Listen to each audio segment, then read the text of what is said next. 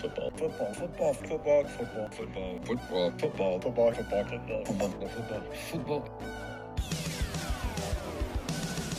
It's the football, football, football, and sometimes other sport show. Here's your host, AJ Nicoletti. What up? FFFSOSS.com at FFFSOSS.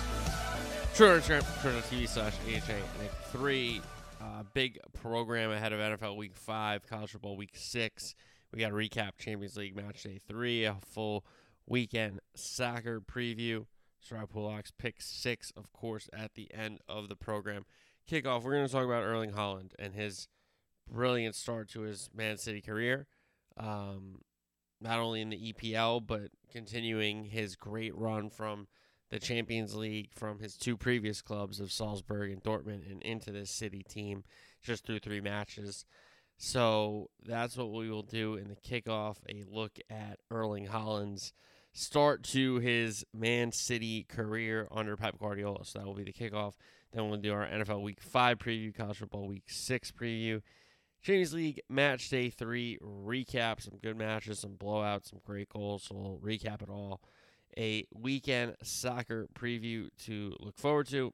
And then we will do our Sarah Pulaks and pick six for this NFL Week 5. And listen, NFL Week 5, College Football Week 6. Guys, we are getting towards the thick of it. And we're not just in the beginning of the season anymore in either of these. So, um, football, football, football. And we're heating up until we get to really the next international break, which is the World Cup, which is so, so exciting for um, this show.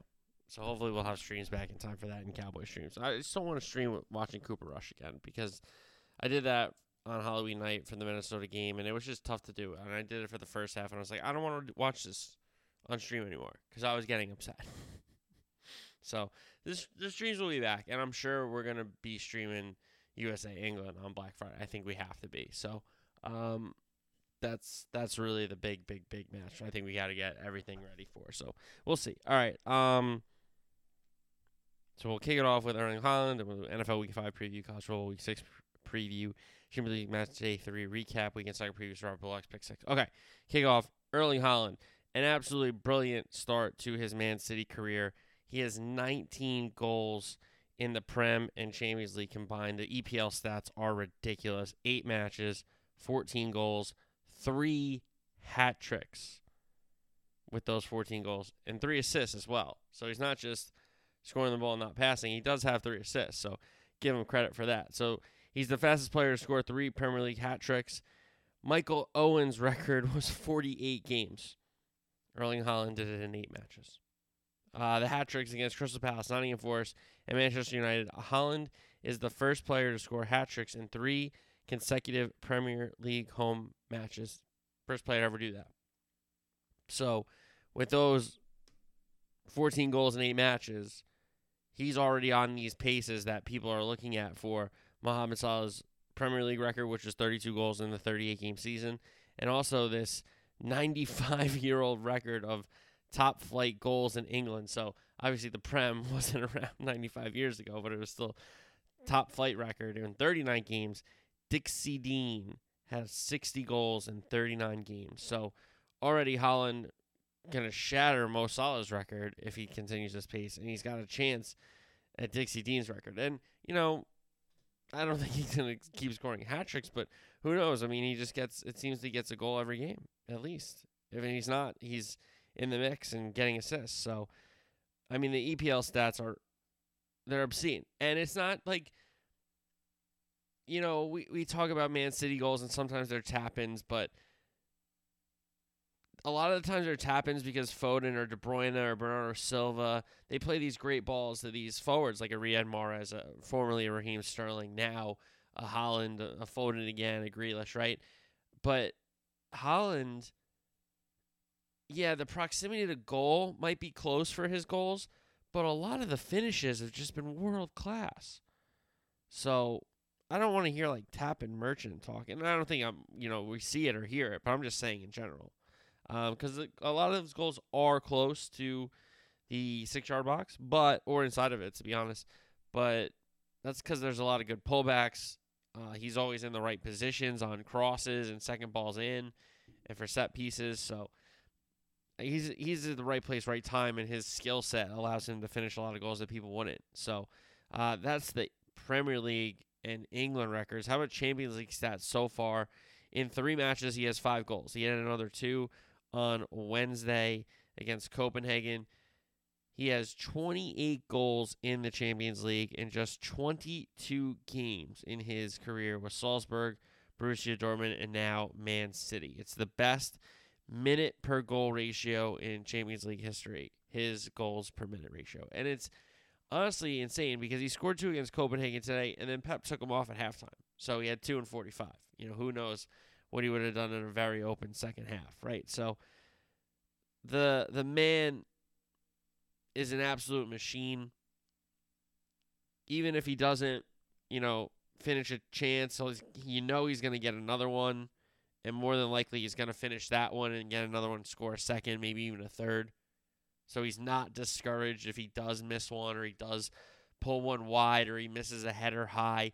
He just keeps going and keeps pushing the ball forward towards the net. It's unbelievable what he does. So, um, eight matches in the Prem, 14 goals, three hat tricks. And then three matches in Champions League, five goals. The numbers speak for themselves. And, I, you know, I'm not going to sit here and be like, he can keep it up. But what's saying he can't? As long as he stays healthy and De Bruyne and Foden stay healthy in that City, you know, attack where there's so many players that can give him great passes. And I know, you know, I just just talk about how much I love Kevin De Bruyne and think he's the best player in the world. And it's unfortunate that he's on, you know, my team, Liverpool's biggest rival at the moment, City, right? But anyway, he's so good at creating goal scoring opportunities, and Haaland is so good at scoring from created opportunities. They're literally a perfect match. And if you haven't seen that already, I mean, watch the highlights. Some of these balls that De Bruyne has put in, some of the finishes that Haaland's put on those balls to put them into the net and pass the keepers. I mean, they're brilliant. So I think I did this with Haaland and Mbappe a couple years ago in a kickoff when we talked about Messi, Ronaldo passing the torch. And I haven't really done a ton of just singular soccer kickoffs in the middle of football season, but I, I looked at the the schedule. Yeah, there's a couple good NFL games. There's some ranked matchups in college football, but it hasn't been like the weekends previously. So I didn't want to do like another. We got another great weekend because I feel like that would have been uh, facetious, or I was trying to play it up more. But I did want to talk about Erling Haaland, especially since he scored another two goals on Wednesday versus Copenhagen in the Champions League, and he just keeps scoring, and City keeps scoring and keep winning. So and it's really due to their talisman, Erling Haaland, who they brought in to do this. I mean, Pep had not had a proper number nine since Aguero kind of was out of the scene and injured and then phased out. Jesus wasn't really the number nine that he wanted, but he works for Arteta and Arsenal, so I guess that's that. You know, maybe it's not in Pep's system, but Arteta tweaked it for Jesus. I don't know, but it is what it is. Is my point. Anyway, you have the best number nine in the world in Haaland. yes, you know Lewandowski and Benzema. You know you want to throw in Mbappe in there. Yes, they're all great players for for sure, world class, the best players for sure. But this Haaland guy does not stop scoring. And it's every game, and it's every chance, and it's every moment he could put a past your keeper, and then you're probably out of it. Honestly, like you have to go up on like think about beating City right now. We've seen them come from behind 2 0 down, 3 0 down to force results. So, how are you going to beat them? You're going to come from behind against them? No. You're going to score two goals, three goals, and hold them off? Haven't seen it, right? So, it's going to be really hard to beat them just because the amount of goals they just can score. And Erling Haaland is at the forefront of it yes, Foden and De Bruyne are guys that are passing to him and scoring their own right for sure. Foden's coming off a hat trick at the weekend, like uh, like Haaland had for sure. Don't get me wrong, but Haaland is really making them go. And I wasn't like, I wasn't one of these people that's like, wait till he comes to the prem, he's gonna have to adapt. I was a person that was like, let's see let's give it some time just in case it doesn't work right away because Pep is a great coach, if not the best coach in the world. And Haaland's obviously the best number nine in the world scoring goals. So maybe it takes some time. I was never like, it's not going to work. He's going to take time to adapt. I was never one of those guys. Like, I've ever, I, I think those guys are minority and they're really just like wind up merchants, to be fair, banters. But I was um, more along the side of, hey, if it doesn't click right away, give them some time. But it's clicked right away, and they've been absolutely brilliant. So, uh, had to salute Erling Haaland ahead of um, another weekend in the Prem, where I'm sure he possibly could get a hat trick. I mean, they're playing Southampton at home. He's got three three hat tricks and three straight home games. Like, why why wouldn't he? You know, be an option to get another hat trick? Okay, okay. Um, so we'll put away the soccer talk for a couple segments here with NFL and college football previews for the weekend. Let's start with the NFL Week Five Thursday night.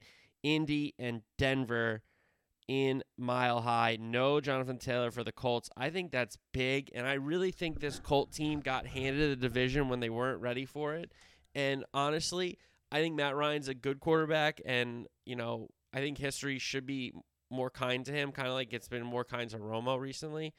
Um, but Indy changing quarterbacks this many times, it hurts. It, it takes a while. It's not like a thing that clicks right away year in and year out. You can't just keep changing your quarterback uh, over and over again and expect to have res- uh, success and results. So it's going to take some time in Indy. Listen, that doesn't mean they can't win the division still because I think that division is still weak. That to be honest with you, that AFC South but I think Denver is the obvious choice here at home, short week. You know, they did put up some points um, against Vegas, still losing the game. I know everybody's 2 and 2. Denver at home to me still has a little bit of mojo in the prime time. I don't like Indianapolis on a short week without their running back. I don't really like where their, um, you know, passing offense is right now. For, and I don't really love Denver, to be honest with you, but I think Denver has, and obviously Williams is hurt, so that's a big thing. So more Melvin Gordon. He just fumbles all the time, apparently, now. I would say this. I. Hmm, I'm taking Denver. I think Denver wins the game. I think Denver probably covers the three, to be honest. Um, I'm not crazy confident in it, but I think I'm forced to take Denver here because I just don't like the Colts. It's a really tough spot for them on the road, short week, no star running back. I think it all adds up to a Denver win and a spot where people are going to be like, oh, it's too easy. But it might just be a little too easy this week for Denver. A lot of things line up for them. So could it go the other way? Sure, and I could be dead wrong, but I just think it's too good for Denver here. Giants, Packers out in London across the pond. With the Packers going there, I think it's the last team that has not played in London. So that's pretty cool. Everybody's going to play there now. Daniel Jones is day to day. Tyrod Taylor probably out with a concussion, but it seems like it's going to be Daniel Jones for me, this is an interesting game because the Giants are three and one, and Packers we know have a good record as well. So I think this is a time for the Packers to beat a team with a good record. I guess you could say so, so early in the season because listen, Daniel Jones being banged up, he's had a lot of success running the ball from the quarterback position, scrambling, design runs, all these kind of things, keeping defenses honest you know, in the passing game. If he's banged up, that kind of takes away a lot of the things he can do to be successful with his legs, in my opinion. And I know the Packers haven't been world beaters with their offense, but defensively they've been pretty good. And I do think that with Daniel Jones being banged up, with the Giants being a little bit uh benefit of a light schedule so far this season, if we're being honest. Okay. And listen, you win the football games, you win the football games. Give you credit. That's not what I'm saying. However, Green Bay to me, better team. Um, and I think this one is kind of obvious as well. But if Daniel Jones is banged up and he can't do the things that make him successful, which is use his legs, how are you going to tell me the Giants are beating the Packers? You know, I, I think it just boils down to that. Because, yeah, the Packer offense isn't clicking yet, and he doesn't trust the rookie receivers all that he should yet. Rodgers, that is.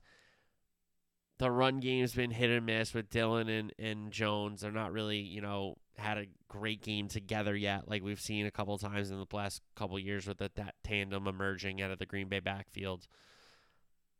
So the offense hasn't been what we thought it should be or will be, right? I think it still will get there, and Rodgers will, you know, learn to trust those guys. Can the Giant defense make some plays? Possibly. But I just don't think the Giant offense will have enough to be successful with Daniel Jones not being able to run the ball effectively if he's banged up. Him throwing from the pocket 25, 30, 35, you know, that many times doesn't scare me. I think that helps me if I'm a defensive coordinator, making him throw. Um, more opportunities for picks. He almost beat the Cowboys with his legs. He he did um, get the win last week against the Bears with his legs. You know, with those two touchdowns. I know it was a field goal fest in the second half, but those two touchdowns were huge for the Giants offense. But I just think Green Bay here too much. Too much. Uh, Detroit, New England. Most likely Zappe is still in for the injured Pats quarterbacks because we know Hoyer's going to be out. And Mac Jones, it seemed like he was limited on Wednesday in practice, but I don't know if they're they feel like rushing him back in a season where I don't know how much hope they had for this season, to be fair, um, in the division they're in right now. So I like Detroit here. I know the Patriot defense, you know, gets better as the season goes on, but I still think we're early in the season. I think Detroit, with that offense, and Swift should be back, which really helps their um, running attack and a little bit of their screen game as well. Um, they get their like scat back, back as how many times can you say back and what's that? Anyway, um, so I like Detroit in this game. I do. I think New England, you know, they didn't play bad with the rookie, but he's not a, a, guy. You know, he's a he's a nice backup, I guess. He's he's a nice little project, but he's not a guy right now at this level. Um, and that's not even a knock on him. I don't think he was expected to play this season, right? But here you are. Sometimes as a backup is a backup. You get in if the backup gets hurt, right? Um, and the starter's already hurt. So I'll say this. I like Detroit in this game. I think the Detroit offense should be able to continue to move the ball like they've done all season, even though the New England defense gets better as the year goes on. I think Detroit is getting them early enough in the year that they haven't made the adjustments to the personnel and the packages that they want versus an offensive package, you know, three, you know, whatever personnel they're in, 11, you know, all that kind of stuff. So I like Detroit outright in that one. Pittsburgh, Buffalo, Kenny Pickett is confirmed to be the guy for the Pittsburgh Steelers. Steelers haven't been 14 point underdogs, I think. I think it was ever. I thought I saw a stat. I probably got I probably got that wrong, but something where they haven't been 14 point dog underdogs and they like one of the the franchise the few franchises that's never done it. So kind of interesting here. Buffalo coming off a sloppy first second quarter against Baltimore, but a really good end of the half and second half to win that game. Now back at home, they welcome in Pittsburgh. They make the change to the rookie two touchdown favorites in the NFL is a lot. I don't know if they cover, but I do think they win, and and it, it might not be convincing, but it, it's at least in control.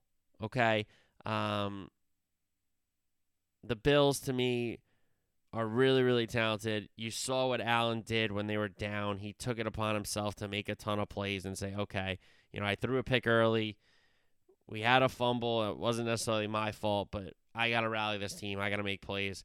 And defensively, you know, give the Bill defense credit with a bunch of injuries. They stuffed that Raven offense for a long time um, in that game. So for me, I think it's Buffalo. I think it's Buffalo going away. They might not necessarily dominate the game if you're like AJ, how else could this game go? But I still think Bills should win this game comfortably. Miami and the New York Football Jets at Jet Life. Uh, Teddy is in for Tua, as we know. I think the Jets, it'll be a lively crowd. I think they'll be up for the game. I think the Jets, if they stay in the game, have a chance. We've seen that. You know, if they're in games, they're going to fight. It's not necessarily like the Lions last year where they were just like a really bad team and blew leads or kept fighting uh, or came back. But so far this season, this Jet team has shown like if they're in the game late, they're to fight back and maybe win, which they've done twice now from really a miraculous position and then a pretty good comeback in their own right last week. Um, so I will say this Jets at home. It's a good spot for them to score an upset. Um, but I think Miami, Edmonds will be too much. McDaniel has had a week here to prepare with Teddy being the guy until Tua is back. So I think it's not like it was last week when he had to like, okay, what's the playbook? If Teddy comes in now, we got to flip all the plays from the left hand plays to the right hand plays. You know what I mean?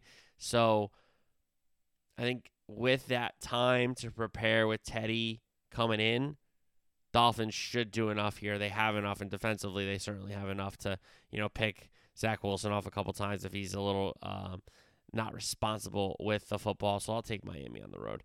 Atlanta and Tampa Bay. TB does have a little bit of a rotator cuff issue amongst the Gisele news as well. With um, apparently they've hired divorce lawyers with uh, Brady and Gisele. So hey, you know, hopefully everything works out there.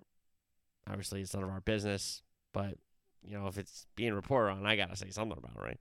Whatever. Um, listen, Atlanta with Smith, they've had a nice couple wins where you're thinking, hey, you know, there you go, good for you guys. Um, but Mariota hasn't shown that he can be a guy again. You know what I mean? Like you draft Ridder, but you're like, let's see what Mariota has. Maybe he can win this job. Maybe he can win the franchise, the locker room, the coaching staff, the franchise, the fans over kind of a thing. It'll probably be Ridder more sooner than later for Atlanta. Um, however, they lose Cordell Patterson, which I think is a big part of their their offense, whether that's running the ball traditionally or getting the ball to him through the passing game and quick screens and all that kind of stuff. They have the two backs that did well in the second half you know, last weekend. But Patterson has been really good for them since coming in. So that's an issue. With that, combine the fact with Tampa just, I don't want to say laying an egg, but they did not start the game well, and they were not in the game on Sunday night against Kansas City. So I think they're going to be a little pissed off. They get to take it out on against a bad Atlanta team at home. Bucks probably big here. Seattle and New Orleans. New Orleans injury concerns. They're going to get Kamara back, but Jameis and Michael Thomas have not practiced so far. So those are going to be two big misses again for the Saints. If they don't go and it's Andy Dalton and you move every receiver up in the depth chart, fine. You got Olave's been all right. Landry's been good in some spots. I mean, Olave's had a really good rookie start. I shouldn't say he's been all right. He's been very strong uh, start to his rookie campaign. Give him credit. But no Mike Thomas, no Jameis. That's big. You get Kamara back, which certainly helps your running game.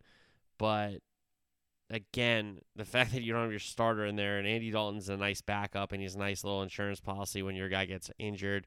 You know, it's not like you're turning to a young guy to come in and try to save a game or win a game for you. You can turn to a veteran that's done a lot of these situations that you would bring him into. Um, nevertheless, New Orleans to me with a really good defense. They're going to want to keep the game tight, control the ball, run the ball, especially without Jameis in. If it is Andy Dalton, Seattle, I know Seattle has put up some points, um, and I don't really love their defense, but I think this is going to be a low scoring game. I think this is like a game that maybe both teams start slow. We could get 7 3, 10 3 at half, kind of a thing, and then it's like a little field goal fest in the second half. Um, I can see that happening. And honestly, the Saints in London, that game probably should have went under, to be fair, but it didn't. So I think that's a low scoring game. you know, Jameis being out, I think I lean Seattle, but I don't really love the game, so I, will take New Orleans at home. Uh, Houston, Jacksonville up next. Jacksonville given seven here. I mean, that's a that's a sight you would used to never see. I think they win the game, but I don't know if they cover that. Houston has shown that they can get back in games uh, so far this season, and I think they're a live dog in this one. But I'm staying away from this game, obviously.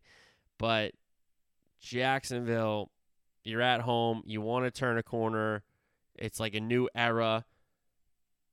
You take it out on the Texans because the Texans are they should be a couple squares and spaces back from you. You know, you should be a little further along the way. You have your quarterback. You think you have your head coach. Not knocking Lovie Smith or Davis Mills, but they haven't really put a lot of resources into Davis Mills, like a number one overall draft pick. And I mean, Lovie Smith has gotten to Super Bowl. He hasn't won one, and he has been successful. Um, but Doug Pederson's won a Super Bowl. So I think Houston might be a couple spaces if you're looking at like a Monopoly board or one of those board games. Houston's a couple spaces behind. Jacksonville's a couple spaces ahead. And I think Jacksonville might not cover the seven, but they should win the game. Tennessee and Washington. Um, I think they're begging you to take Tennessee, and I might even sprinkle on Sunday, but I'm not taking the game for the pick six. But Washington is really bad. Carson Wentz is really bad. Um, the defense without Chase Young isn't as explosive on that D line. Yes, I know there's still players in Payne and Allen and Sweat for sure. They got a couple good linebackers and the secondary's coming along, I guess. But offensively, with Wentz, he's gonna get sacked. He's gonna throw picks. He's gonna fumble. And you're gonna have to overcome all these mistakes and issues game in and game out. And do you have a defense that's going to bend and not break almost every time he does that? And an offense that, despite his mistakes, he's going to come back and get some of your playmakers involved and make plays. I don't think Washington has enough. I don't think they have a line that can at least give him consec- like enough time in consecutive passing situations. Okay? Um and I know I I don't want to say I'm the Tennessee whisperer, but I usually get them right. When they're dogs, you bet them. When they're favorites, you bet against them or you stay away from the game. They're begging you to take them, which is crazy. I feel like they should be like a four or five point favorite on the on the road against uh, Washington because Washington's so bad. And not that Tennessee's good or anything like that, but they're better than Washington. I think they're begging you to take Tennessee. I still will, um, but don't be surprised if Washington pulls one off here. Okay. Chicago, Minnesota. Um, Minnesota's going to win this game. Chicago's just not there yet. I understand, you know, defensively with Roquan and, and Eddie Jackson, they have some players, and, you know, Quinn, they can get to the quarterback still. So they have some guys. Don't get me wrong on defense. And Fields, you know, the jury's still out. He doesn't have a ton of weapons to really throw to. Um, but Minnesota is going to take advantage of bad teams and lose to good teams. I think that's just what Kirk Cousins' MO has been forever. Um, and sometimes he does lose to bad teams. Remember, they lost to the Bills, I think Josh Allen's rookie year, um, when the Bills were not playing well. So, Minnesota to me is a team that will play their schedule. Teams above them, they're going to lose to. Teams below them, they're most likely going to beat and Chicago's below them. Minnesota's at home. Give me the Vikings here. Chargers go to Cleveland to take on the Browns. I think this one could get a little high scoring. I think this one could get a little interesting. Um, I think both defenses you can score on. Not that they're like there's players on, you know, both defenses, obviously. But I think you can score on both defenses. And, you know, even though Brissett is in for the suspended Watson, as we know. Chubb and Hunt, you know, Peoples Jones has done a nice job. Um, even Amari Cooper's had a good couple games. And Njoku's been good besides the, a couple fumbles, if not one or two, right? Two, I think maybe.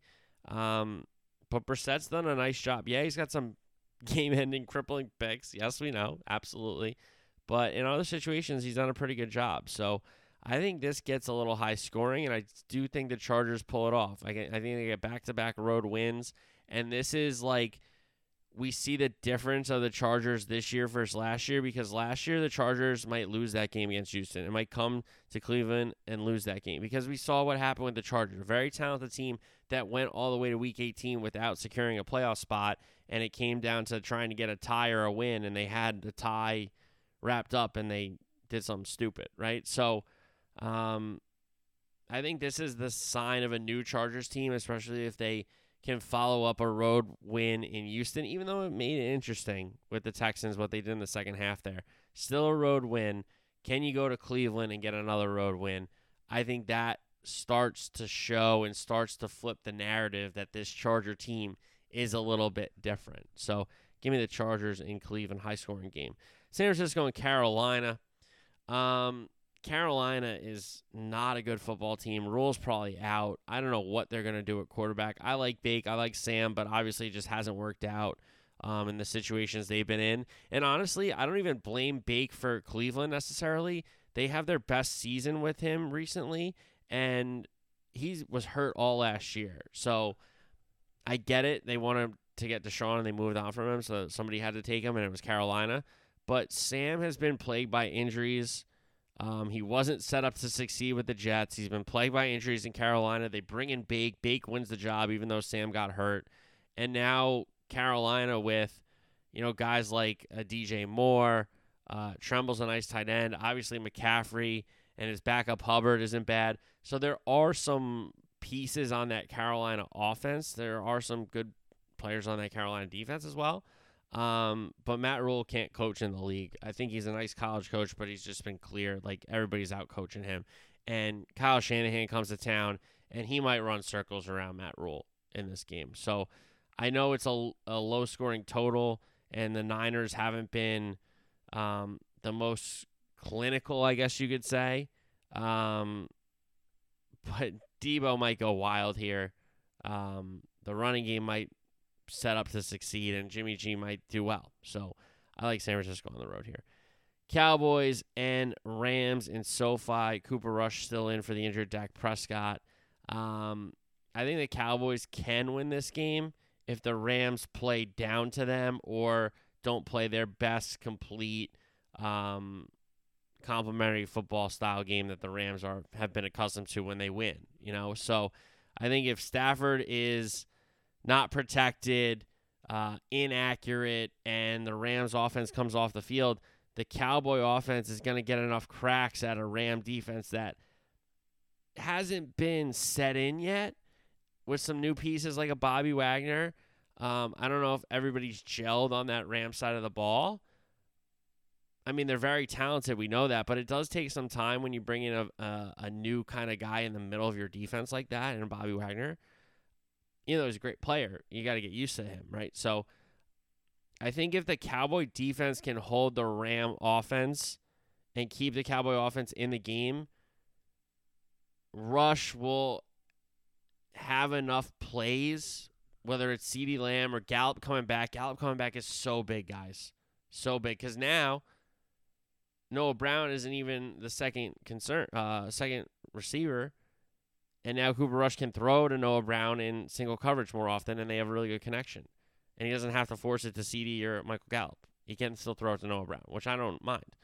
Um, and if Zeke and Tony Pollard can get going in this game and control the ball on the ground and keep that Cowboy offense on the field and to keep the Cowboy defense fresh, that's how you score the upset.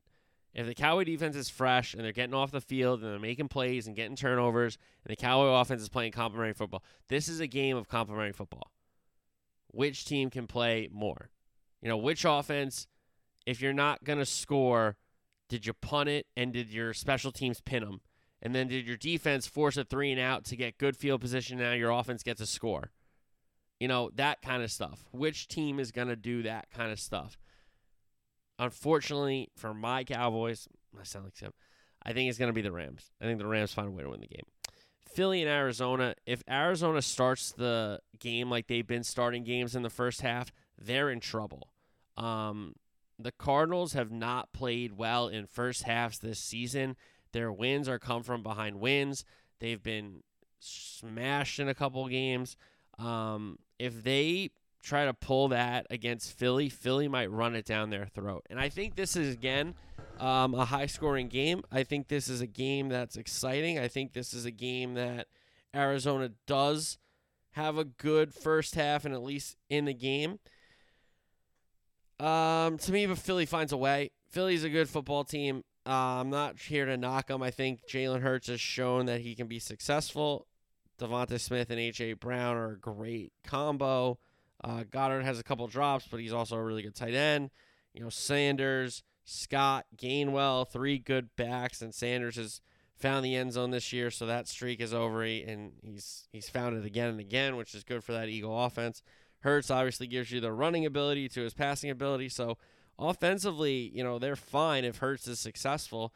Defensively, I think it's not an issue, but they have to get healthier, and I think the rookies are going to have to get um good uh, good get acclimated to this level really quickly. Um cuz like guys like Nakobe Dean and the big guy in the middle they're to have to play big snaps soon. You know, Fletcher Cox is a great player, but he's getting a little older. Um, they've lost a couple linebackers already. Um, I think that this Eagle team is talented, and they, you know, they look good and they've earned their wins for sure. Um, I think Arizona shows up and starts the game finally because you have to. At some point, you have to play well in the first half, right? You just can't keep doing this to yourself. So I think it's a maybe a back and forth first half, and then Philly kind of pulls away in the second half. So give me the Eagles. Cincinnati and Baltimore on Sunday night. I like the Cincinnati Bengals here. I think the Ravens are a little out of sorts. I think they're losing games that they're accustomed to winning, whether that's, you know, going for it on a fourth down and not getting it, or Lamar throwing a pick in a big spot, or, you know, a kicker against them making a big kick to win it. The Ravens with Lamar and Harbaugh, this new kind of era with them, as soon as Lamar came in, they were winning those games. They weren't losing those games. They were finding ways to win those games. Right now, they're finding ways to lose those games. And I think Cincinnati's getting them at a perfect time. Cincinnati a little under the radar, you know, after those tough, tough losses to start their season. Uh, they win on Thursday night against Tua and the Dolphins when he he, he gets uh, injured and leaves the game, obviously. So they had a little bit of rest. I think they've found a little bit of their offense back. I think Cincinnati finds a way in Baltimore on Sunday night. I know the place is going to be rocking, but they haven't lost games like that. This could be the start of, you know, the Ravens coming back to earth in the sense of Lamar might leave, you know, all this kind of stuff. This could be the dominoes that starts it, and it could start already in this season with some of the losses that they've had. Okay, so I like Cincy on the road to find a way to win the game. Monday night, Vegas and Kansas City. I think Vegas will score because I think they know they have to score to try to win the game. So they'll be, you know, super aggressive and going for things. And Kansas City just be too much. Um, Pacheco you know, added to Edwards Helaire. That's a really interesting one, too, they got going in the backfield. Obviously, missing Tyreek Hill. You bring in Juju. You bring in Valdes Scantling. You draft Skyy Moore. You already have Hardman. You still have your guy in Kelsey, so there still are options to throw to. So Mahomes is more spreading the ball around, as we know. And it's going to take a little bit of time to get used to for Kansas City. But I think you're already seeing some of the benefits of that, which is okay, Kels might get double double covered, and this is what Mahomes is thinking.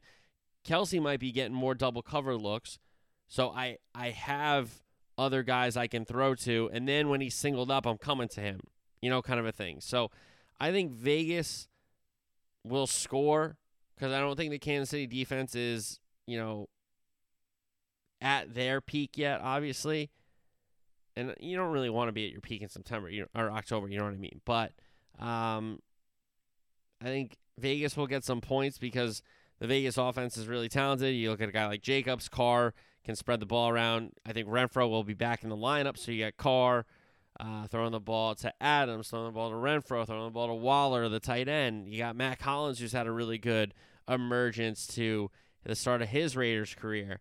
And if they protect Carr and he's not running for his life, he can throw some pretty good balls. So I think Vegas will put up some points, be in the game, but it's a Kansas City win on Monday Night Football. All right, college football, week six. We got three games in the top 25, not like last week where we had some great, great matchups, but nevertheless, some good games.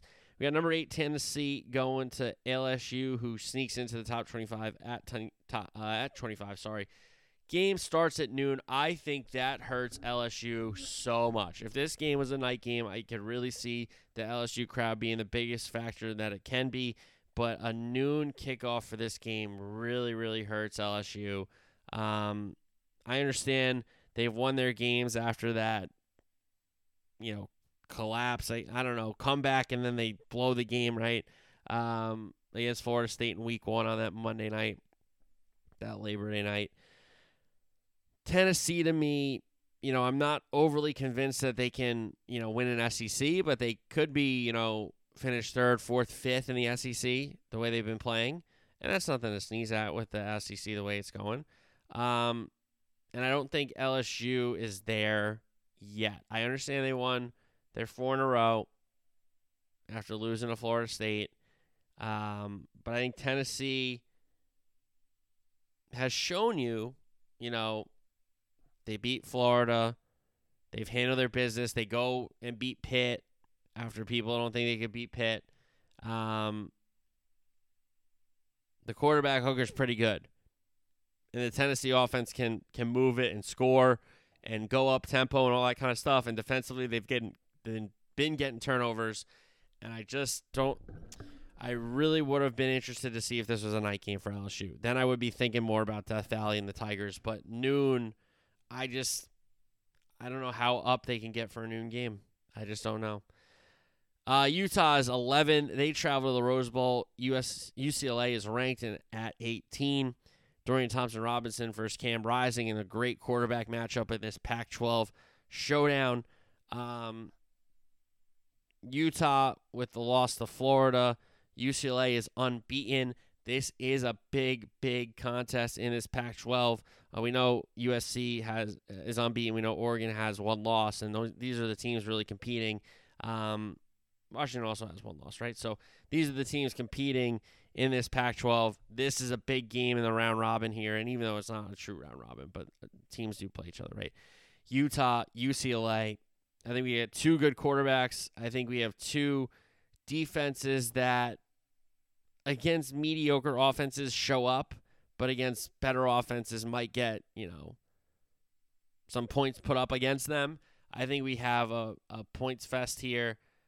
I think it's a big game. I think the Pac 12 is going to want to show out and have a competitive big game um, with these teams. And Utah, you know, is going to want to stick it to UCLA, who's leaving. But I think UCLA's at home. I like Chip. I know Whittingham's a really good coach. Um, it's really easy to pick Utah here because Utah's been really good in this conference since coming in. Uh, but I just think there's something about this UCLA team. DTR and Chip Kelly have been together for a long time. They're like very, very in tune with each other in the play calls and what, you know, each other want to do out there. I really like this UCLA team, what I've seen. Not knocking Utah because Utah's a very talented team and Rising's done a really good job. Um, but I think UCLA, a little something special going on in LA this year with the two football teams. TCU and Kansas, 17 goes to 19. Game days at Kansas, third straight uh, sellout in the third in their history of football, if I'm not mistaken. Listen, Kansas is a great story. Okay. Uh, the quarterback Daniel, nice story. You know, got benched, came back, starting now. TCU just ran it up on Oklahoma. Okay. Um, Duggan looks really, really good. Sonny Dykes has come in and revitalized that Horn Frogs program, which I thought might have been left for dead with um, you know, Patterson leaving, who's one of my guys. I think he's at Texas now, if I'm not mistaken, special assistant to Sark.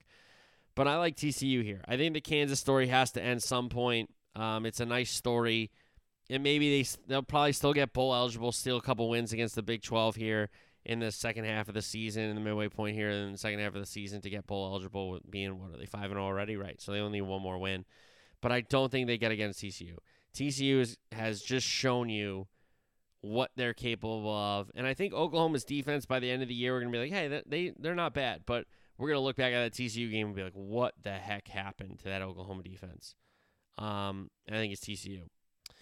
All right, rest of the top 25, we got A&M going to Bama night game on CBS, and I think everybody kind of thought A&M would at least have a chance to be unbeaten here going to Tuscaloosa, uh, but App State and Mississippi State have both beat them. App State loss, you know, App State controlled the game, give them credit.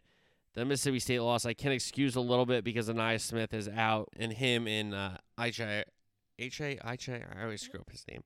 Um, the two guys on offense. So uh, this should be Bama. I understand if Bryce Young is injured. I mean, we were talking about A and M. We should be talking about Bama. But uh, Milroe did a really good job of running the ball and making some plays with his arm, coming in for Bryce Young. Gibbs and McClellan are so good uh, out of the running back position. So if they don't have Bryce Young, they can still run on A and M. I understand A and M has a lot of top recruits, has a lot of five star players on their team, but so does Bama. Okay, and Bama's really good. Auburn and Georgia. Listen, Auburn could be right what Georgia needs right now. Um, you know, this is normally a big rivalry. This is a game that has given us some classics and some big moments. But Auburn, they're not in a great place right now as a program. They blow a 17 0 lead against LSU. They have four turnovers down the stretch of that game. And you could argue that they gave the game away and LSU didn't necessarily take it away. But, you know, if you're an LSU guy, hey, four turnovers. What do you want us to do? We rallied from 17 down. They're going to take that as a win for sure, right? So, um, in Georgia, listen, Georgia, the first couple of weeks of the season, you're like, holy, uh, is this team ever going to lose? Are they going to even win by less than 30, right? Um, but they've struggled the last two weeks.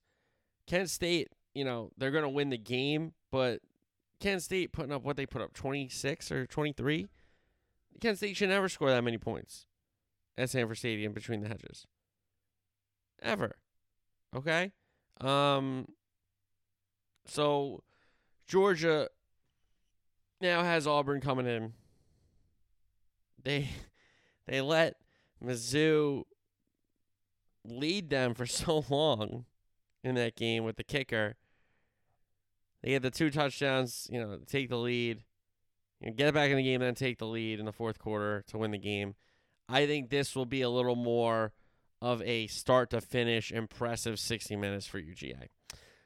Same kind of thing with Ohio State, and Michigan State. Michigan State to me is not good. Mel Tucker, I think they might have jumped the shark a little bit. You know, I think he can coach, but they decided really quickly that he's the guy and he's like the superstar of East Lansing and it's all about him. Well, they've stunk. and I know Smith-Njigba has kind of been banged up, but Ohio State still has a bunch of other receivers. And Stroud is fantastic, okay? And the backs are good. And defensively, they're good. And they're going to blow out Michigan State. They're to blow them out. And I know the game's in East. I don't care. I don't care.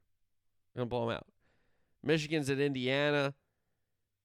Michigan, to me, um,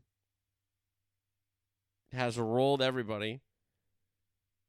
They found what they want to do with the quarterback and McCarthy.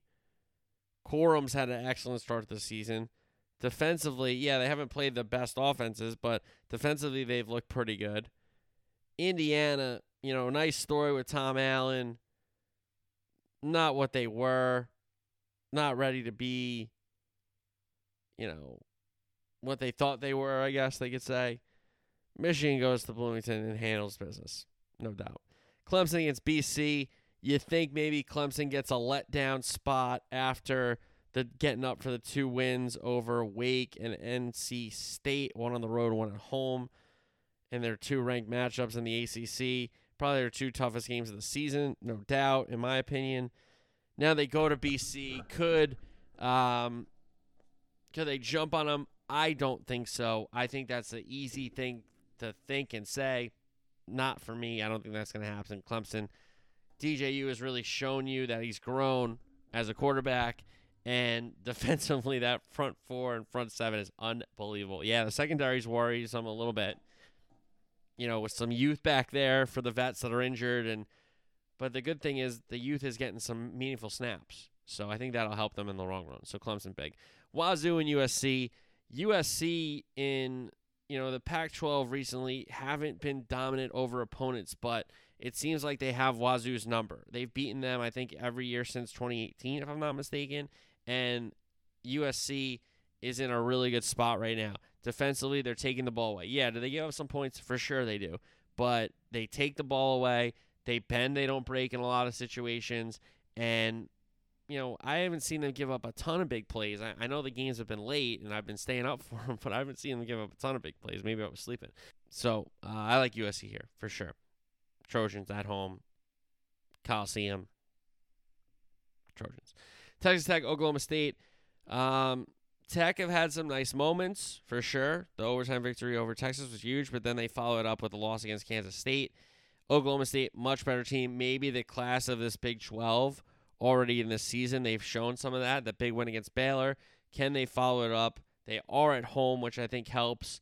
Um, and I think they do get it done. Maybe not as an often as offensively as impressive as you might think with Sanders and Gundy calling the show and the shots, uh, but maybe a, a, good defensive performance against Texas Tech for the Pokes. Ole Miss and Vandy. Vandy with three wins, but Ole Miss should be enough. Um, it was an interesting game last week with Ole Miss and Kentucky, wasn't it? With Ole Miss trying to speed it up and Kentucky trying to slow it down. I think that will benefit Ole Miss to having to play at that pace and try to do what they want to do with the ball versus what they had to get dictated to when they didn't have the ball, kind of a thing. So I think Ole Miss here.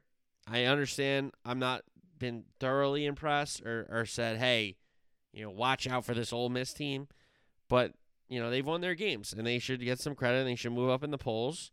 And now they have another chance to move up in the polls with a win over Vanderbilt, which they should get.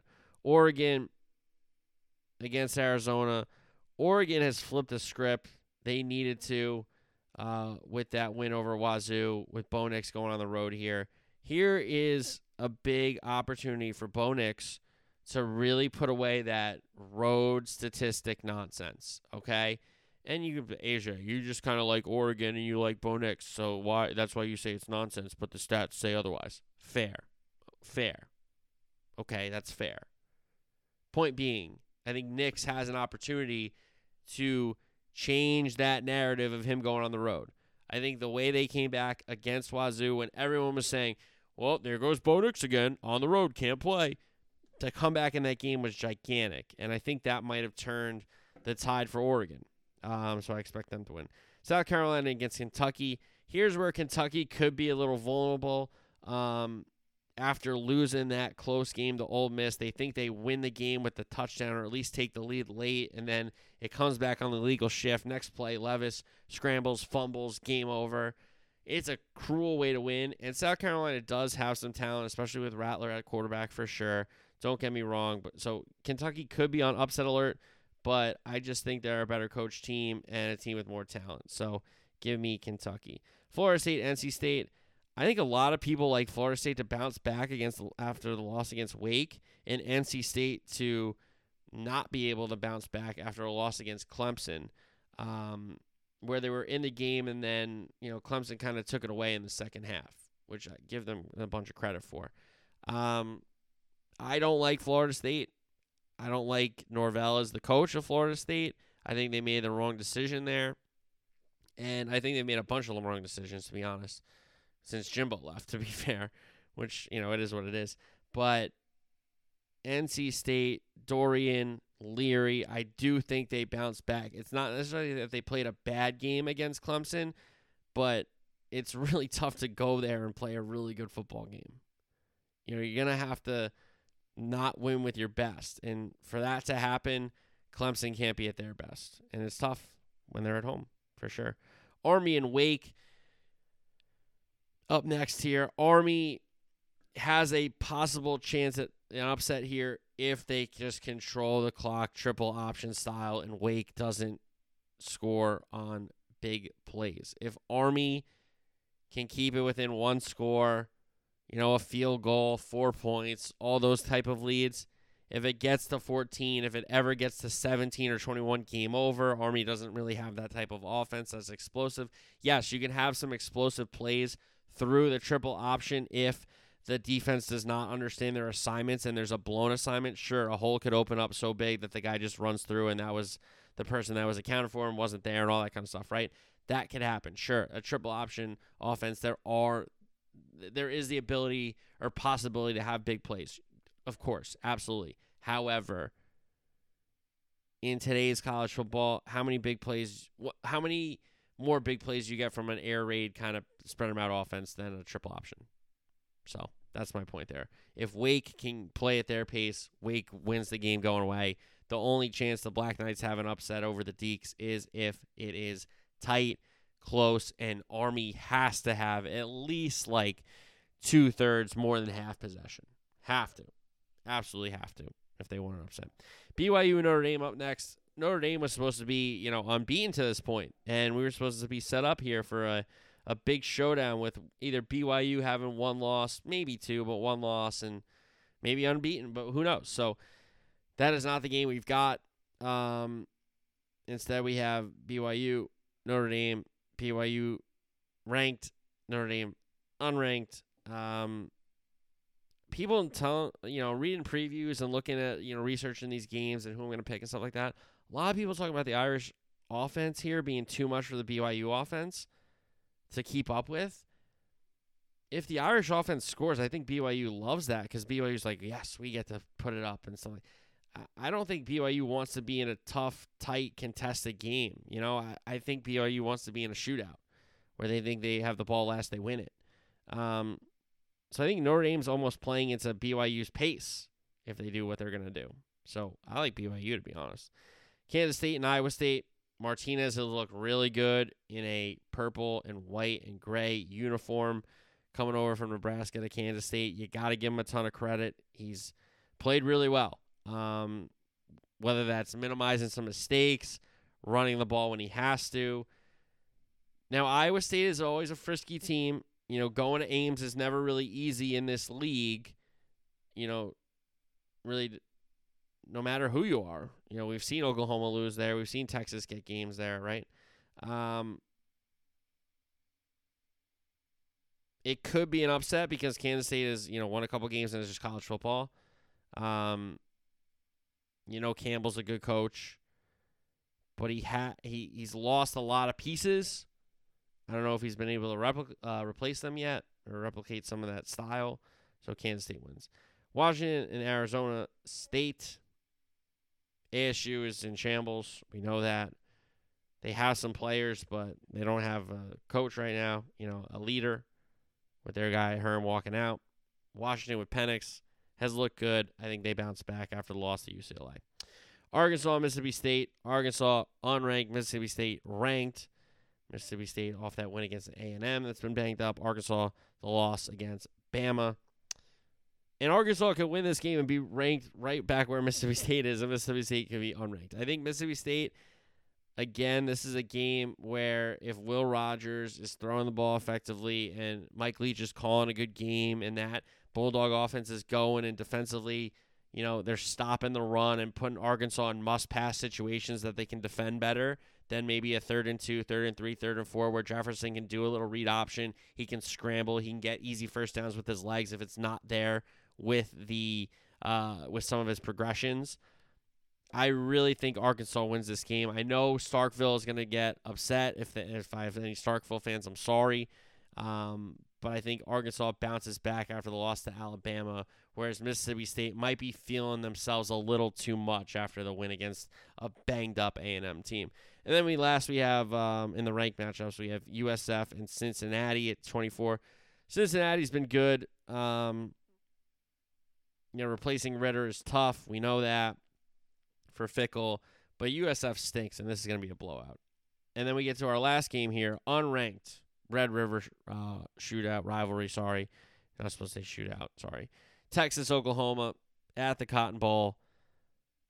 It's unfortunate that neither team is ranked. You, you love to see if it's like four and one, five and zero, or two four and one teams, or teams that are at least in it, or one team's in it, and the other team's coming for a big upset, whatever. But we got two unranked teams here. We got two teams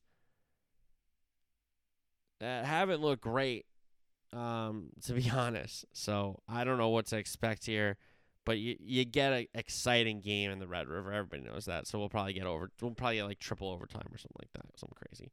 All right. Uh, footy. Champions League match day three recap. Group A. Ajax. Napoli. Napoli win it six one. Kudus actually put Ajax up one 0 but it was then six straight Napoli goals. Raspadori uh, scored. Di Lorenzo scored. Zielinski scored. Raspadori scored again. Then Kvaratskhelia, the Georgian, scored, and then Diego Simeone's son scored as well. So the six goals there for Napoli.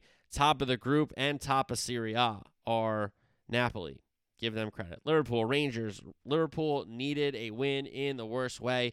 Klopp changes the system to 4 2 3 1. You can even argue it was 4 2 4 in some aspects, and Liverpool do the job. A, they won a free kick. Trent Alexander Arnold with a peach of a free kick gave Liverpool a 1 0 lead inside the 11th minute, I believe and then a Luis Diaz run into the box. He gets tripped up. Mo Salah converts the penalty, and Liverpool won it 2 0. And honestly, if it not for the Rangers keeper, this one could have been way over, way quicker. But Rangers hung around because their keeper made save after save after save, and it seemed like Darwin Nunez would never score. Um, so Klopp changes the system, and it works, and Liverpool get a big win, their second win of the competition. Group B, Brugge still on top with a 2 0 win over Atletico. Brugge have been brilliant so far in Group B. Porto Leverkusen, interesting match here. Porto, Porto end up winning it 2 0, but we had a crazy situation late in the first half. 42nd minute, VAR disallowed a goal um, for Porto. Then Bayern were awarded a penalty due to a handball, and then Schick's penalty was saved by Diego Costa. Um, then Porto scored their two goals. Uh, Frimpong got sent off for Leverkusen, so he'll pick up a ban, and Porto win it 2 0. Group C, Munich and Plzen, and kind of what we expected. Munich win it 5 0. Uh, Leroy Sané had a brace. Gnabry scored. Sadio Mane scored, and Choupo-Moting came off the bench and scored as well for Munich. Inter Barca, it's really the race for second in this Group C, and Inter strike first at in their home leg at the San Siro. Calhanoglu good goal to beat ter Stegen, but the controversy comes in the second half. Um, it looked like Pedri had equalized for Barcelona, but a handball ruling, which honestly I thought was super cruel. To I, I understand, you know, you can't have uh, handballs in the build up, that all that kind of stuff. I get that, fine, whatever. I still think it was a really cruel handball because it came off the goalie, and there's like no time to react. But then, so you take the goal off the board, fine. But then there is a play late in the match. I'm talking like late in the match. Ball goes off the inner defender. In the box.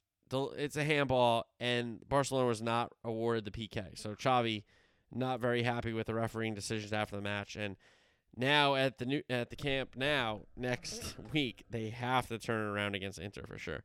Group D, Marseille and Sporting. Marseille win it 4 1. It was actually Trincao that got the scoring starter for Sporting, but then Alexis Sanchez, uh, Harit, Adán uh, got a red card for Sporting. Uh, Balerdi and Mbemba scored for Marseille. They went it 4 0. And then 4 1, sorry. And then Frankfurt Tottenham finished nil nil. You really thought Tottenham would have gotten the win. Um, away from home, but they keep a clean sheet nevertheless. Group E action Chelsea, AC Milan. Chelsea really needed a result, and they got it. They beat AC Milan 3 0. Fofana, his first Chelsea goal off a rebound of a set piece where they had three corners in a row, and Thiago Silva won three headers in a row and forced two more corners after his first corner that he won with his head. So, um, the third time the charm is Fofana uh, jumped on a loose ball in front in the six yard box. Then Fofana got injured, so Chalobah had to come in, if I'm not mistaken. Aubameyang gets another goal for Chelsea, and then Reece James hammered in Chelsea's third for Graham Potter gets his first Champions League win. Uh, Red Bull Salzburg and Zagreb Salzburg scored a PK to, to, to win that one 1 0. Real Madrid, Shakhtar Donetsk. Real Madrid win it 2 1. Rodrygo opened up the scoring. Vinicius doubled the Madrid lead, but Donetsk pulled one back. Really good goal for Donetsk, the Ukrainian side. Uh, Real Madrid could not get a third, and Donetsk could not get an equalizer, so it stayed 2 1. Red Bull Leipzig and Celtic. Leipzig win it 3 1. Nkunku, possibly the new Chelsea man, uh, as you know, Fabrizio Romo, uh, Romano is reporting. I always want to call him Romanov. He's not it. Uh, so Nkunku opened up the scoring. Jota equalized for Celtic, but then a Andre Silva brace for Red Bull Leipzig gave them the points. Group G action: City, Copenhagen. City win it 5 0. An Erling Haaland brace. An own goal gave City a third. Uh, Riyad Mahrez converted a penalty that was earned by Laporte, and then the youngster Alvarez, um, where's he from? Argentina, if I'm not mistaken, scored the fifth for City. Sevilla Dortmund in the other contest. Dortmund went a 4 1. Guerreiro early. Uh, and the series was sent off, but it gets overturned after there was a foul going the other way before that action happened. But then Jude Bellingham, an unbelievable individual effort of a goal. Uh, Adeyemi scored for Dortmund. And Nasseri got one back for Sevilla after he was should have been sent off, so it was 3 1. But then Julian Brandt gave Dortmund the extra insurance to make it 4 1. Group H, Benfica, PSG. What a goal from Lionel Messi. He starts the action, lays it off to Mbappe, finds Neymar, gets it back to Messi, left foot, brilliant curled effort. And you would have thought they would have got a second, but there was an own goal equalizer, and they could not get a winner. So PSG and Benfica split the points in Portugal. Final match Juventus and Maccabi. Juventus win it 3 1. Rabiot opened up the scoring. Vlahovic made it 2 0. Maccabi grabbed one back, but then Rabiot got his brace, and Di Maria, who should have had a hat trick of assists earlier in the match, got his hat trick of assists on the Rabiot brace. So Di Maria assists Rabiot, he assists Vlahovic, and then he assists Rabiot again. All right, weekend soccer preview now. EPL action. Bournemouth and Leicester City. Leicester City have to be playing better. Um, you think maybe it put they put it together with that four uh, four nil right four nil over Nottingham Forest on Monday. Now they go to Bournemouth. Bournemouth coming up. I think Bournemouth's probably going down. To be fair to them, no offense. So Leicester have to get a result there. Chelsea and Wolves. Chelsea, you know, they sack Tuchel. Some of their games get postponed. Obviously, everybody got postponed the weekend of the Queen passing away, and then the week after, Liverpool was supposed to play Chelsea at the Bridge, and that game was postponed as well. So Chelsea really haven't been in the rhythm necessarily, um, but now they get a big.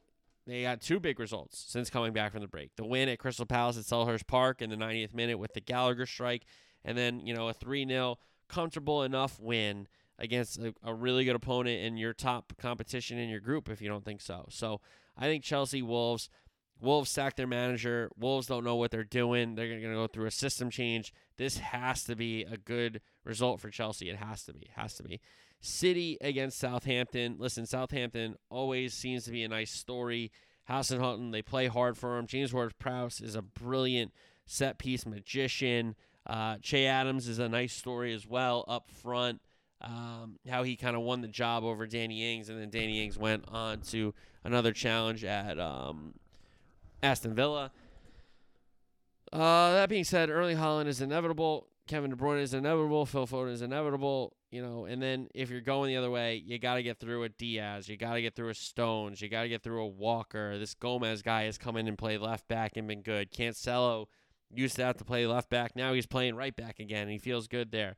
In the middle of the park, Gundogan is the captain. If he's not in there, Rodri is brilliant. I mean, Bernardo Silva's playing every position that Pep Guardiola asked for him. Grealish is brilliant. Mahrez is brilliant. So whatever team whatever eleven Pep has picked, they've scored goals pretty much all season. So I don't think it stops at home against Southampton. Newcastle and Brentford. could be up and down, could be a really exciting matchup. This could be 3 3. It could be like 5 5. I really, really hope it's not nil nil now that I jinxed it. But that could be a really, really fun game. I think Newcastle and St. James Parks gets the result. Brighton, uh, Brighton, Brighton and Tottenham. Brighton with other manager, but they're coming off a huge result at Anfield. They come home. They have an opportunity um, to stun Tottenham. They, it, it's a big spot for them, but I just don't know with the new coach. You know, it, it seems like it's really tough to follow up that result that was at um, Anfield. I know you're at home. I know you're at the Amex, and it's a big opponent, and you're going to get up for it. But Tottenham didn't score in the midweek. I think they score at the weekend. Okay. Um, Crystal Palace and Leeds. Leeds want to play, and Crystal Palace might not want to, depending on Vieira. This could get interesting with these two managers. Uh, they're very defensive of their teams, and they do kind of go after the other styles of play. So I'd be interested to see if this gets a little testy uh, with Vieira and Marsh. That being said, I think Leeds will get a result. I think Leeds get a result. So we'll go 2 2. West Ham, Fulham, London Derby next. Interesting matchup here. Fulham with Mitrovic started the season so, so well. Okay. Um, West Ham with Scamacca coming in. Him and Antonio spelling each other. Scamacca finally gets his big goal. Bowen's been really good. The two in the midfield with Rice and uh, Soucek have worked out well. Yeah, Kelleher's coming and giving you some own goals, unfortunately, but he, besides that, he hasn't been terrible. Um, I think West Ham find a way here. Arsenal, Liverpool. If Liverpool can play the way they played on Tuesday, they absolutely have a chance. If they don't, Arsenal might run them out of the building. Arsenal are in really good form. Um, they found the 11 and, and the style, and even if it's not the the same 11 for Arteta, a lot of the players have been interchangeable. And, you know, whether that's the back line or the front line, like, but I think he has to go Saka, Martinelli, Jesus up front. I think you have to play Odegaard. I think you have to play Xhaka and Partey. So then it's kind of just like Ben White, Gabriel, um, Saliba, and then either Tierney or Zinchenko at left back. And I think that's probably 11 for Arsenal. For Liverpool, I honestly wouldn't be shocked if Klopp just runs out the same 11 he just had and maybe makes some more subs. Um, maybe Fabinho instead of Henderson, but I think he does know he has to play Thiago. Um, so I think Thiago in the midfield with either Fabinho or Henderson. And I think he might go the same system. And I think he might go the same front four, or maybe Bobby instead of Nunez because Bobby plays well against Arsenal. But I wouldn't be shocked um, to see the same system for Klopp. And I think if it's the same system for Klopp and Liverpool come out and play well and play the way they just played, they can get a result for sure. If they can't, and if Arsenal are up and down the pitch, and Saka's going to people, Martinelli's going to people. They're getting chances. Jesus scores. Like this could get ugly. It really could, to be honest. Um, but I do think it's. I think it's a draw. Everton and Man U. Listen, Goodison's going to be up for the game. Um, it's been a good atmosphere since Frank's come in. To be fair, um, Man U got drubbed. I really want to see if that means that Ten Hag is going to make some changes to his 11 or is he going to just trot the same guys out and be like, hey, you know, we played against the best team. It happens. Sometimes it happens. Um, but I do think Man U at least find a way to get a result like Goodison. And then Forest and Villa. Forest are going to need to get some wins or at least some results before they get buried too low in the relegation battle to fight back. Um, Villa when are they going to score a goal?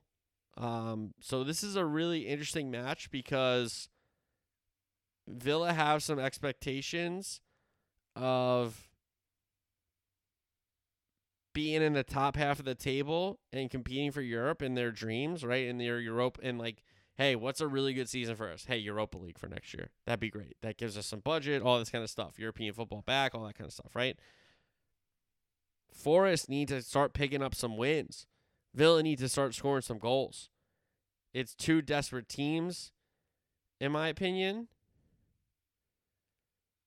And I think the city ground will be rocking, but Villa might go there to try to keep a clean sheet and just get out of there nil nil.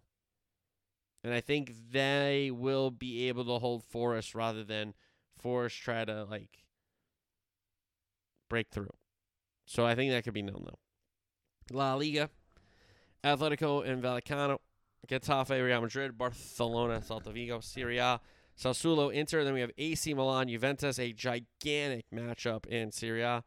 Cremonese take on number one Napoli in the table, Roma, Lecce.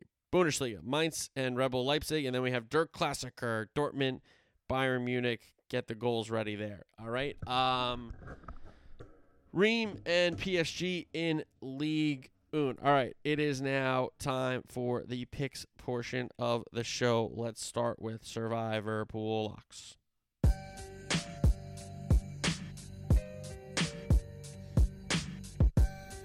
Seven and five on the season.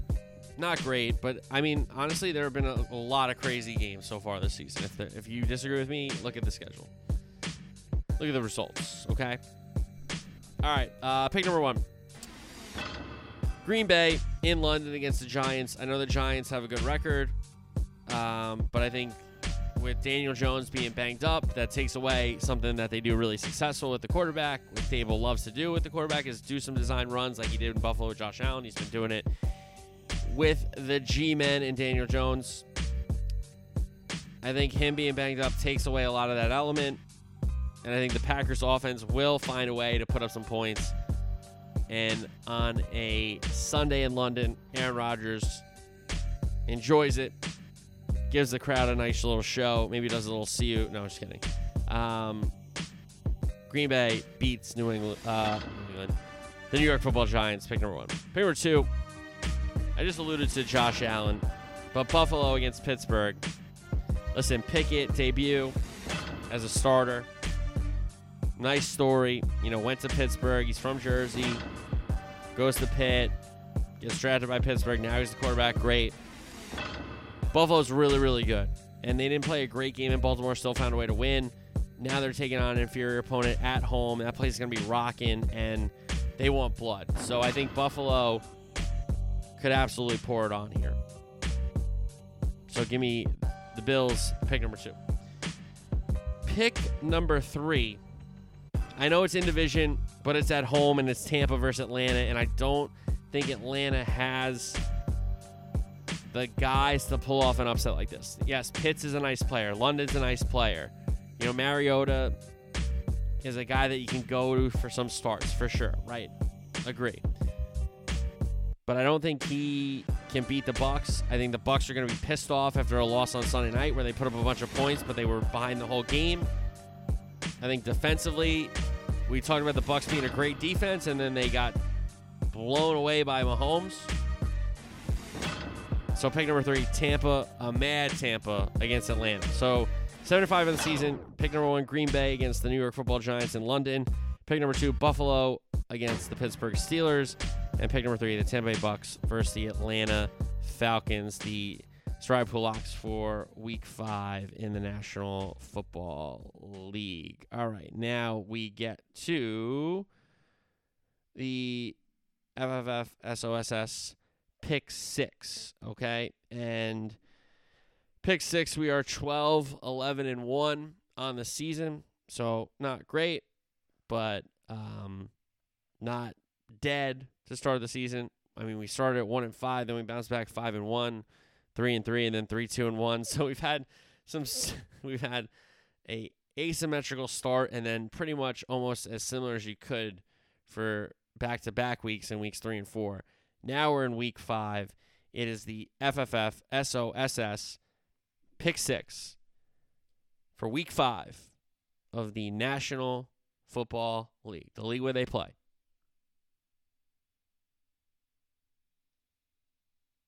For pay.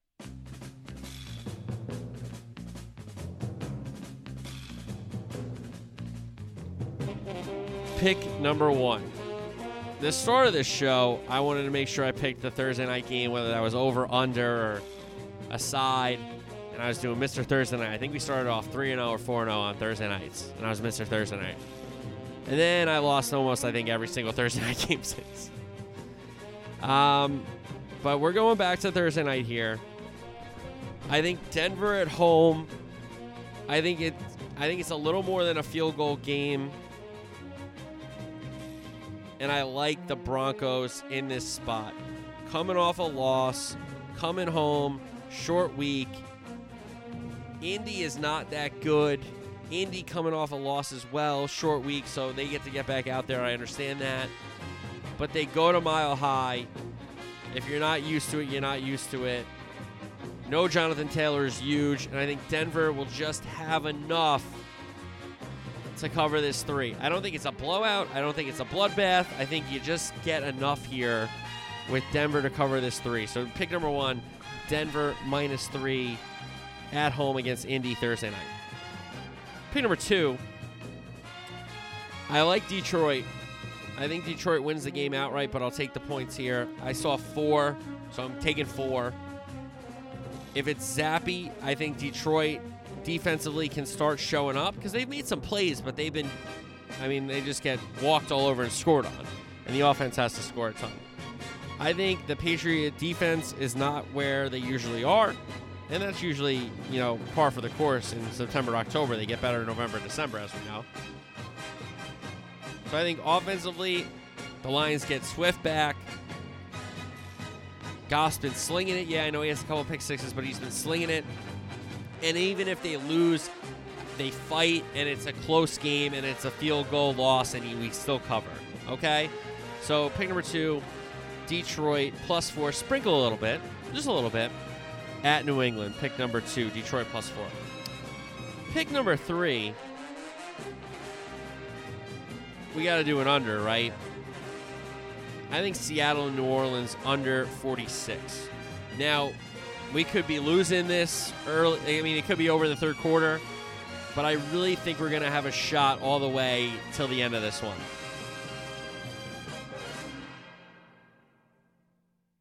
So, pick number three. I like Seattle, New Orleans under 46. I don't love either offense. I think the New Orleans defense is pretty good. I think the Seattle defense maybe can put together something against Dalton. You know, without Mike Thomas, Kamara coming back, but how many snaps does he get? Kind of a thing. How many touches does he get?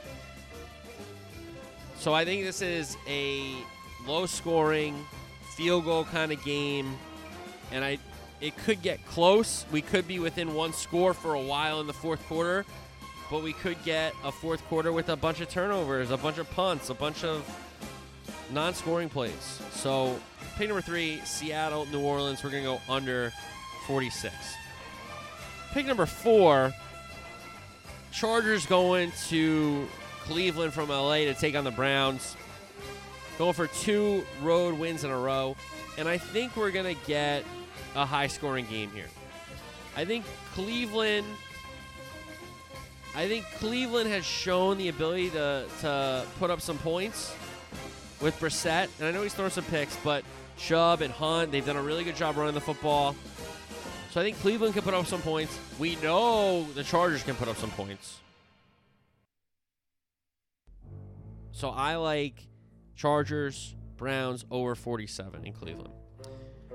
Let's go another over. Philly and Arizona over 49. Arizona cannot start another game with a poor first half and expect to come back, especially against Philly.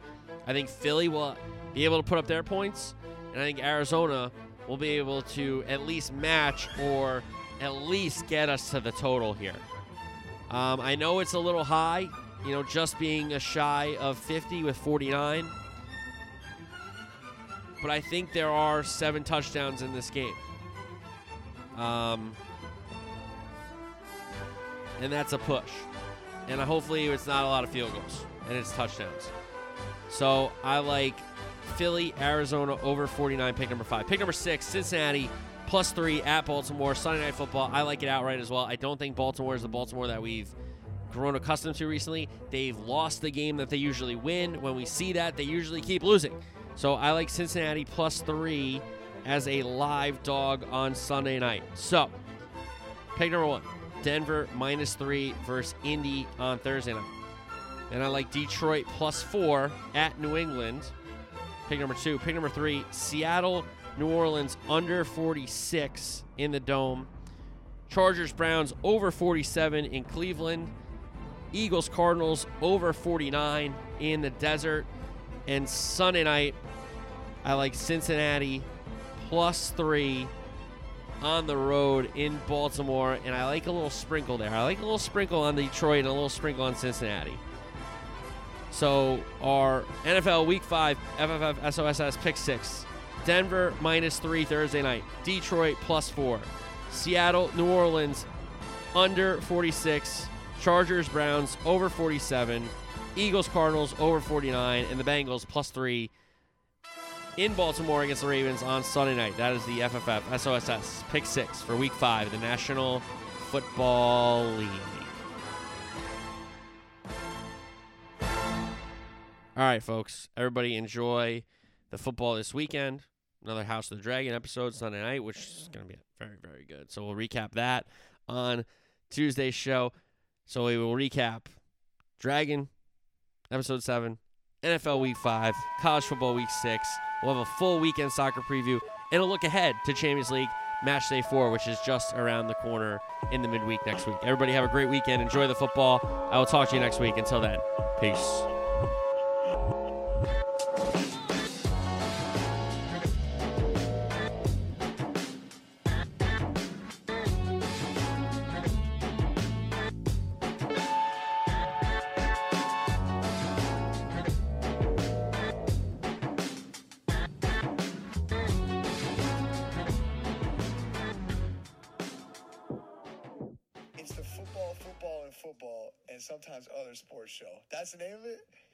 Guys, check out his podcast. That sounds like my kind of podcast. Football, football, football, and sometimes other sports show. Sounds like me.